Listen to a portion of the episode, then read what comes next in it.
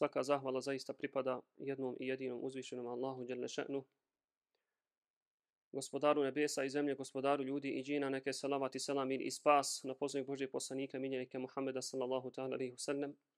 Neka je salavat i selam na njegovu plemenitu porodcu, ehli bejt, na njegove časne ashabe, prijatelje i drugove, na njegove tabiine, to jeste pratioca njegovih ashaba, a i na sve one koji njih budu pratili u dobru i u hajru do sudnjega dana. Amin.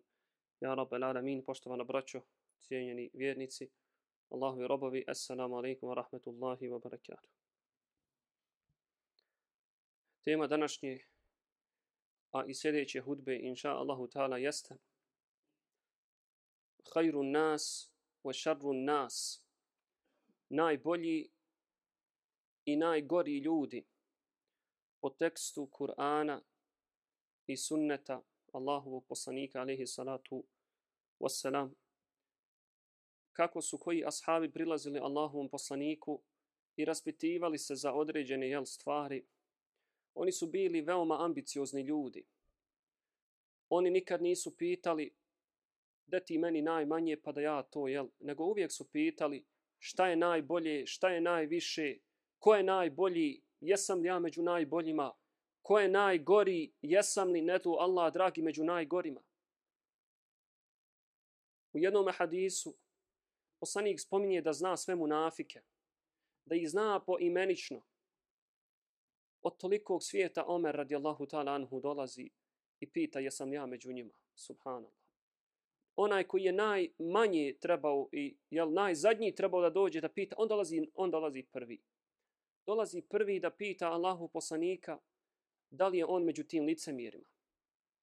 Jer, niko, jer toliko je bio jak njegov iman da nije bio siguran i da nije garantuo sam sebi da on nije od munafika. Pa ćemo iskoristiti priliku da poslušamo kroz svjetlo Allahovih hadisa Allahu poslanika alaihi salatu wasalam koje je to kategorije ljudi i za koja dijela je poslanik alaihi salam okarakterisao kao najbolje ljude, odnosno kao, kao najgore ljude.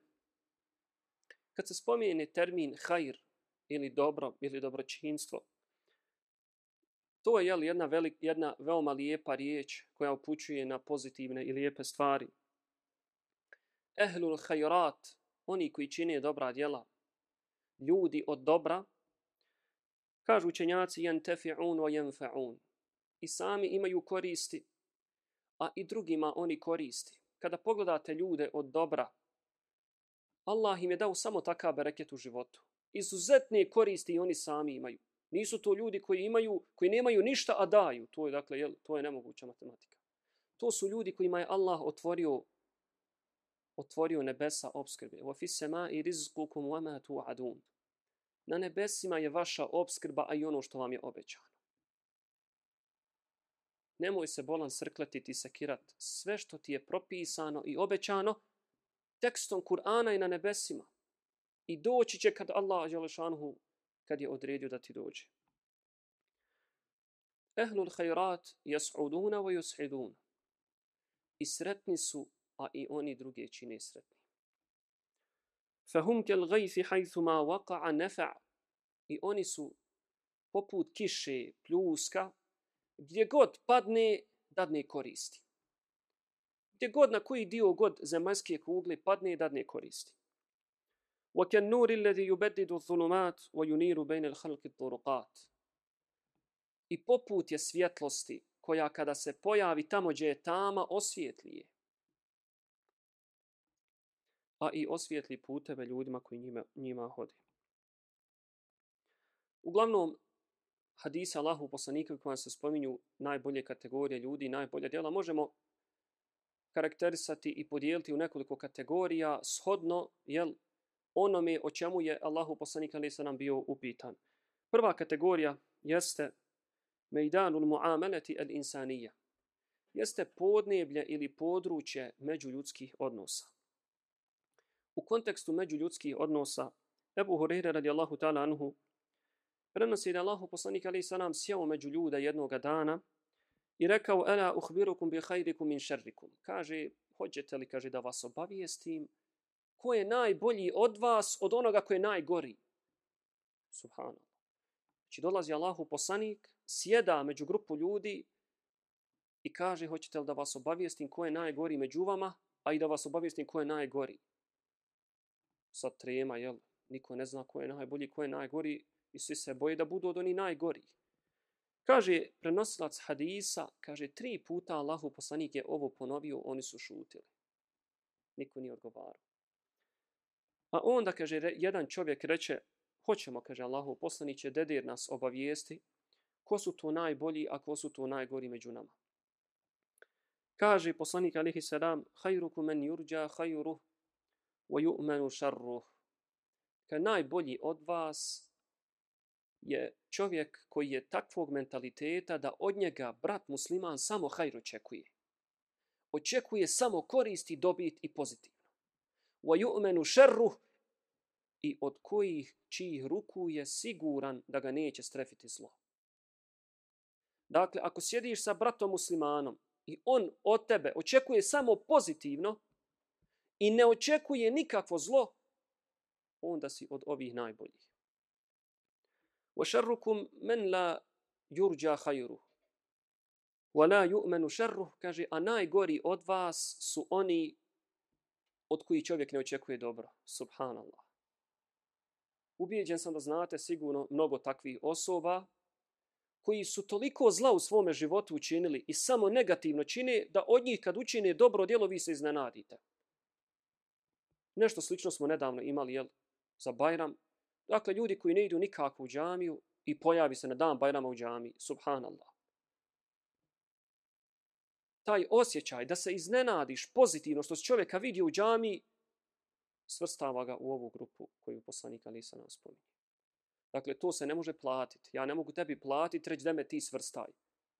Iskren čovjek, vjernik, on ima osjećaje i na osnovu tog instikta on svrstava ljude tamo ili vamo. Hadis bilježe Ahmed ibn Hibban Tirmidi i imam Tirmizi hadis ocjenjuje vjerodostojni. U drugome hadisu Allahu poslanik alaihi sallam je rekao Hajrun nas enfa'uhum lin nas. Najbolji, kaže, od ljudi je onaj koji najviše koristi ljudima. Onaj od kojeg ljudi najviše koristi imaju. Sad ćemo, braću, podijeliti jedan hadis i šerif. Kad bismo samo njega danas zapamtili i u praksi sproveli, bilo bi dovoljno. Jedan od najuzvišenijih hadisa Allahu poslanika, alihi salatu wasalam. Kaže poslanik, habbu nasi in Allahi enfa'uhum lin nas. Kaže čovjek kojeg Allah najviše voli je kaže čovjek koji najviše koristi ljudima. Nemojte, braćo, negativno shvatati kad te čovjek pozove u pomoć, kad zatraži od tebe savjet. Šeitan to nama želi da oduzme. Pa kaže, pogledaj ga, javlja mi se samo kad mi treba. Samo kad mu ja treba. Elhamdulillah. Elhamdulillah. U jednom hadisu Allahu poslanik alejhi selam kaže ima kaže ljudi mefatihul khairi magaliqu shar ključevi su kaže dobra a katanci za zlo Če god se pojavi otvaraju dobre stvari a gdje su loše stvari oni ih zatvaraju dakle tamam i da jeste iskoristi zahvali se Allahu Želešanuhu i nemoj zatvarati ta vrata tačno je pojavi se ljudi samo kad im trebaš ali to je jedna velika činjenica i jedna velika počast i za mene i za tebe i za svakog onoga ko osjeti u, drat, u datom momentu da mu se neko javlja samo kad mu treba. Allah Đelšanhu nam daje blagodati. I dokle god koristimo te blagodati, kako kaže Allahu poslanik, on će nam produživati te blagodati. Onog momenta kad spriječiš te blagodati i prestaneš manifestovati, postaneš krt, dosaditi, činiti dobro, Allahu poslanik ali sallam kaže Allah uzme blagodati i kaže dadne drugim ljudima. U jednoj vjerodostojnoj hadijskoj predaji. Wa ahabbu al-a'mali ila Allah sururun yudkhiluhu ala muslim. I kaže dijelo koje Allah najviše voli. Kaže jeste radost koju uneseš bratu muslimanu. Evo yakšifu anhu kurbeten.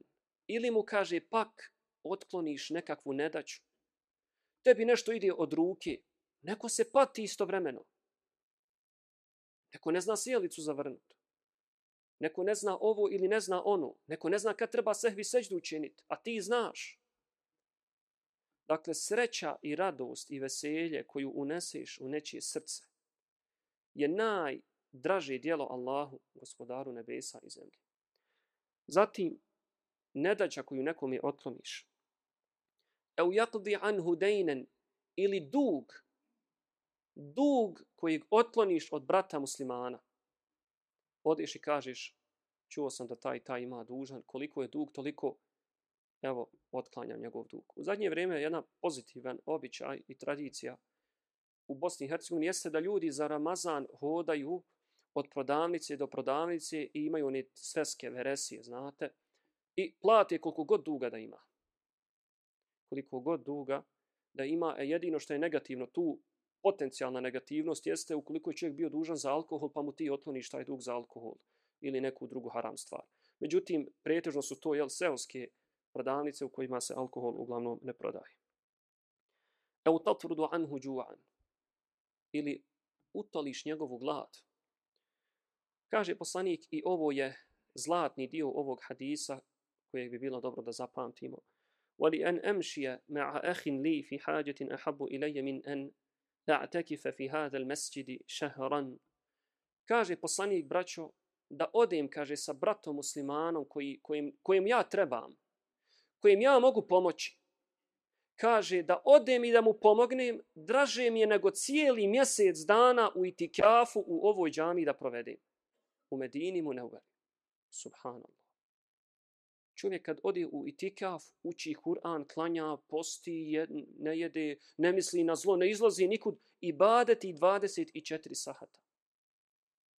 I poslanik kaže da odem pomoći bratu muslimanu Znači, treba mu ja, draže mi je kaže, nego cijeli mjesec da provedim u itikafu u ovoj džami, u džami Allahu poslanika, alaihi salatu wasalam.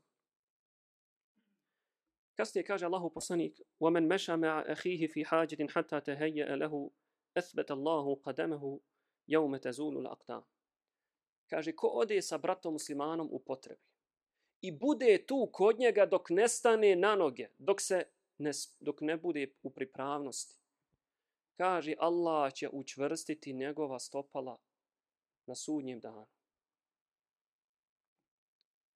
Hadis bježi Tabrani u moćemu, a šeha Albani ga cijenju radosu.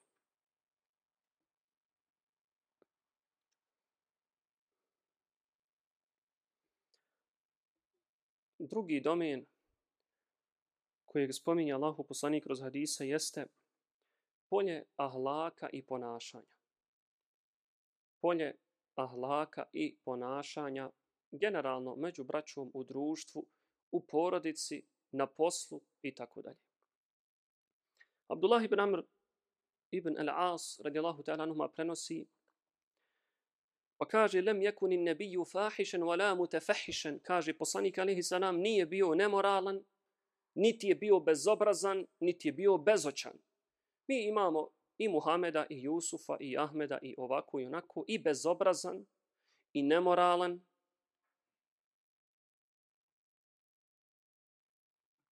I drzak. I poslanik je vikao i znao govoriti wa inna min khiyarikum ahsanukum ahsanakum akhlaqan zaista kaže najbolji ljudi od vas su oni koji imaju najljepše ponašanje i najljepši ahlak U drugom hadisu,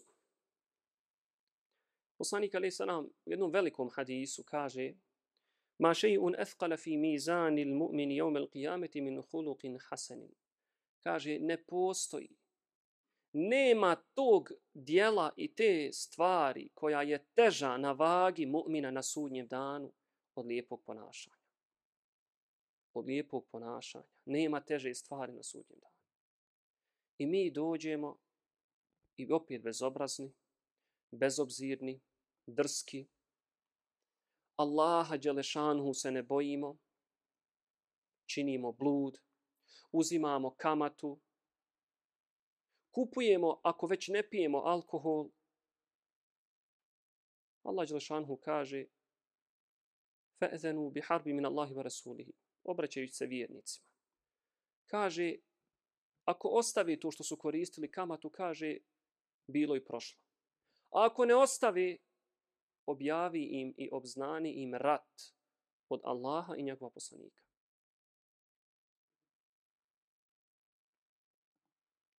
U drugoj predaji kaže Allahu poslanik Ela uhbirukum bi ahabbikum ilayya wa aqrabikum minni majlisan yawm al-qiyamah. Kaže hoćete li da vas obavijestim o čovjeku kojeg ja najviše volim i koji će najbliže meni sjediti na sudnjem danu, bit će blizu mene. Oni su ušutili. Tada reče grupa, kaže, hoćemo Allahu poslaniće, kaže, ahsanuhum hulukan, kaže, to su oni koji su se najljepše ponašali. Sjedit je veoma blizu Allahu poslanika, alihi sallatu Dakle, lijepo ponašanje, veoma teško na vagi, blizu poslanika, alihi sallam, ćeš sjediti i bit ćeš i bit ćeš voljen kod Allahu poslanika alihi salatu wasalam. U drugoj predaji kaže zaista od najviše ljudi koji najviše volim i koji će, kaže, veoma blizu mene i najbliže meni sjediti na sudnjem danu su oni koji se budu lijepo ponašali. Ali kaže, što se tiče onih koji ću ja najviše prezirat i kaže koji će najdalje od mene sjediti, neću dozvoliti da sjede blizu mene. Kaže, to su ether tharun, والمتشدقون والمتفيهقون. Kaže, ashabi, kaže Allahu poslaniće, dobro znamo ko su ether tharun. To su oni koji mnogo pričaju. To su oni koji mnogo, koji mnogo pričaju. Kaže, wal mutashaddiqun, al mutashaddiqun, to su oni koji se govorom nameću u društvu. Hoće da pokaže autoritet da pokaže svoje sposobnosti jezičke i vake i nake. Ali kaže, ko su mutefejhi kun? Kaže, Allahu poslani kaže, to su el mutekebbirun, to su, kaže, oni koji se oholi. To su oni koji pokazuju oholost. Treća kategorija, oblast ili domen, jeste onaj društveno, politički, međuljudski i tako dalje. Opet od Abdullah ibn Amra ibn al-As radijallahu ta'ala se prenosi da jedno čovjek upitao Allahu poslanika ejul muslimine hajrun. Kaže, da mi kaži koji musliman je najbolji kod Allaha dželle ve ala. Pa mu poslanik ali se nam odgovorio čuvenom hadisu men salim al muslimuna min lisanihi wa yadihi. Kaže, najbolji kod Allaha je onaj čovjek od čijeg jezika i čiji ruku su sigurni muslimani. Šta misliš, brate, da li su tvoji komšije, kolege, u firmi, u porodici, da li su sigurni od tvog jezika i tvojih ruku? Kad im neko kaže, ispričao je neko o tebi to i to, šta misliš da li prvo na tebe pomisli? I da li si uopšte u tim opticajima i opcijama ti? Znajući, e, znam da on hoće da kaže, znam da hoće da prenesi. Ako si takav i ako sam takav, da nas Allah Đelšanhu popravi. U drugoj predaji Abdullah ibn Amr ibn al-As kaže, rekao sam Allahom poslaniku, men hajru nas, ko, ko su, kaže, najbolji ljudi, najbolje kategorije ljudi, kaže, dhul qalbil mahmum wal lisani saduk. Kaže, to su oni koji imaju srce koje je mahmum i imaju iskren jezik. Samo istinu govori. Rekao smo, kaže Allahom poslaniku, dobro, kaže, znamo ko su iskrenog jezika, ali kaže, da nam malo objasni, ko su ti el qalbul mahmum, čije srce je takozvano mahmum. Allahu poslanik ali se nam reče, to su, kaže ljudi, et taqi en naqi, bogobojazno srce. To je onaj ko ima bogobojazno srce. En naqi, ko ima čisto srce. Uništi nas danas loše mišljenje, pretpostavke, laži, potvore, ogovaranje, prenošenje tuđih riječi, mračni ljudi, mrak iz njega bije. To nas uništi. Čovjek nema čisto srce. Srce koje nema te negativne osobine. Pojašnjava dalje Allahu poslanik dobro šta znači čisto srce, jer mi imamo punu Bosnu dole čistih srca koji ne klanjaju Allahu na seždu, ne padaju, ne daju zekjat, ne klanjaju nikako, ali imaju čisto srce. Kaže, la isme fihi, to je srce koje nema grijeha u sebi. Ne čini grijehe nikako. kaže, wala bagje, wala hasede. Niti čini, kaže, nepravdu, niti čini, kaže, niti je zavidno. Dakle, čisto srce je srce koje nema grijeha, koje ne prokoračuje Allahove granice i koje nema zavisti u sebi. Mi samo mislimo šta će onaj reći. Šta li je rekao? Šta li misli? A jesme briga šta misli. Došla dvojca sahaba Allahom poslaniku, alihi salatu wasalam. Bili su, prepirali se. Da li je Allahu poslanik ispravno podijelio ratnu zaostaštinu nakon jedne od bitki u historiji Islama. I jedan asab je prolazio tim putem i čuo šta pričaju. I jedan drugome kaže tako mi Allaha, Allahu poslanik nije pravedno podijelio. Allahu ekber. Koja potvora i lažna Allahu poslanika. I ovaj ashab što je to čuo, braćo, otrčao Allahovom poslaniku da mu prenese šta su pričali. Allahovom poslaniku. Kaže, on njemu kaže, kaže, bježi mi sa očiju. Ja, kaže, želim čisti prsa da izađe među moje ashabe. Nije poslanik mislio da on laže, nije želio da čuje. Allahov poslanik nije želio da čuje. Nije želio, a šta mi radimo, kaže, častim te. Častim te, kaže, što si mi došao i rekao šta je ovaj. Allahu ekber. Čovjek čini jedan od najvećih grijeha u islamu, prenosi tuđe riječi koje su istina i ti ga častiš na njegovom haramu kažeš častim te što si mi to rekao. Da pače, ne samo to, nego zamjeriš mu ako poslije saznaš i saznaš da je on znao da ti nije rekao. Vostruki grijeh. To su bili ashabi, najbolji ljudi, najbolje generacije, a mi smo ovo danas što vidimo. Upita smo Allahu poslanika femen ala etherihi. Pa dobro kaže Allahu poslaniće da nam reci i ko je još najbolji taj ko je na tragu to, toga što se opisao. Kaže alladhi yashna ad-dunya wa yuhibbu. Kaže to je onaj koji ne dozvoljava da mu ljubav prema dunjaluku uđe u srce. I kaže to je onaj koji kaže živi za onaj svijet, koji onaj svijet voli. Upita smo kaže pa ko je još na tragu toga? Mu'minun fi hulukin hasan kaže mu'min vjernik koji ima lijepo ponašanje. Šta je s njim? Dakle on je na tragu ove osobe i nivoa i nagrade koju će ova osoba da dobije. Hadis bježi ibn Mađe Bejhaki i hadis je vjerodostojan. Hamza ibn Suhejb bilježi od Suhejba radijallahu ta'ala anhu da je mnogo davao, mnogo hranio siromahe pa mu Omer radijallahu ta'ala anhu jednog dana reče, kaže, kaže, previše rasipaš i metak. Previše, kaže, to ti što dijeliš, to je previše.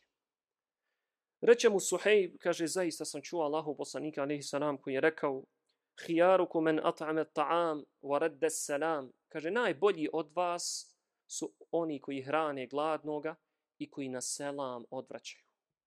Koji kada im se selam nazove, oni na selam odvraćaju. فذلك الذي يحملني على ان اطعم الطعام i kaže i ovo što sam čuo od Allahov poslanika to je ono kaže što me tjera da radim ovo što radim hadis bilježi Ahmed Hakim ibn ibn Abi Shayba i hadis je dobar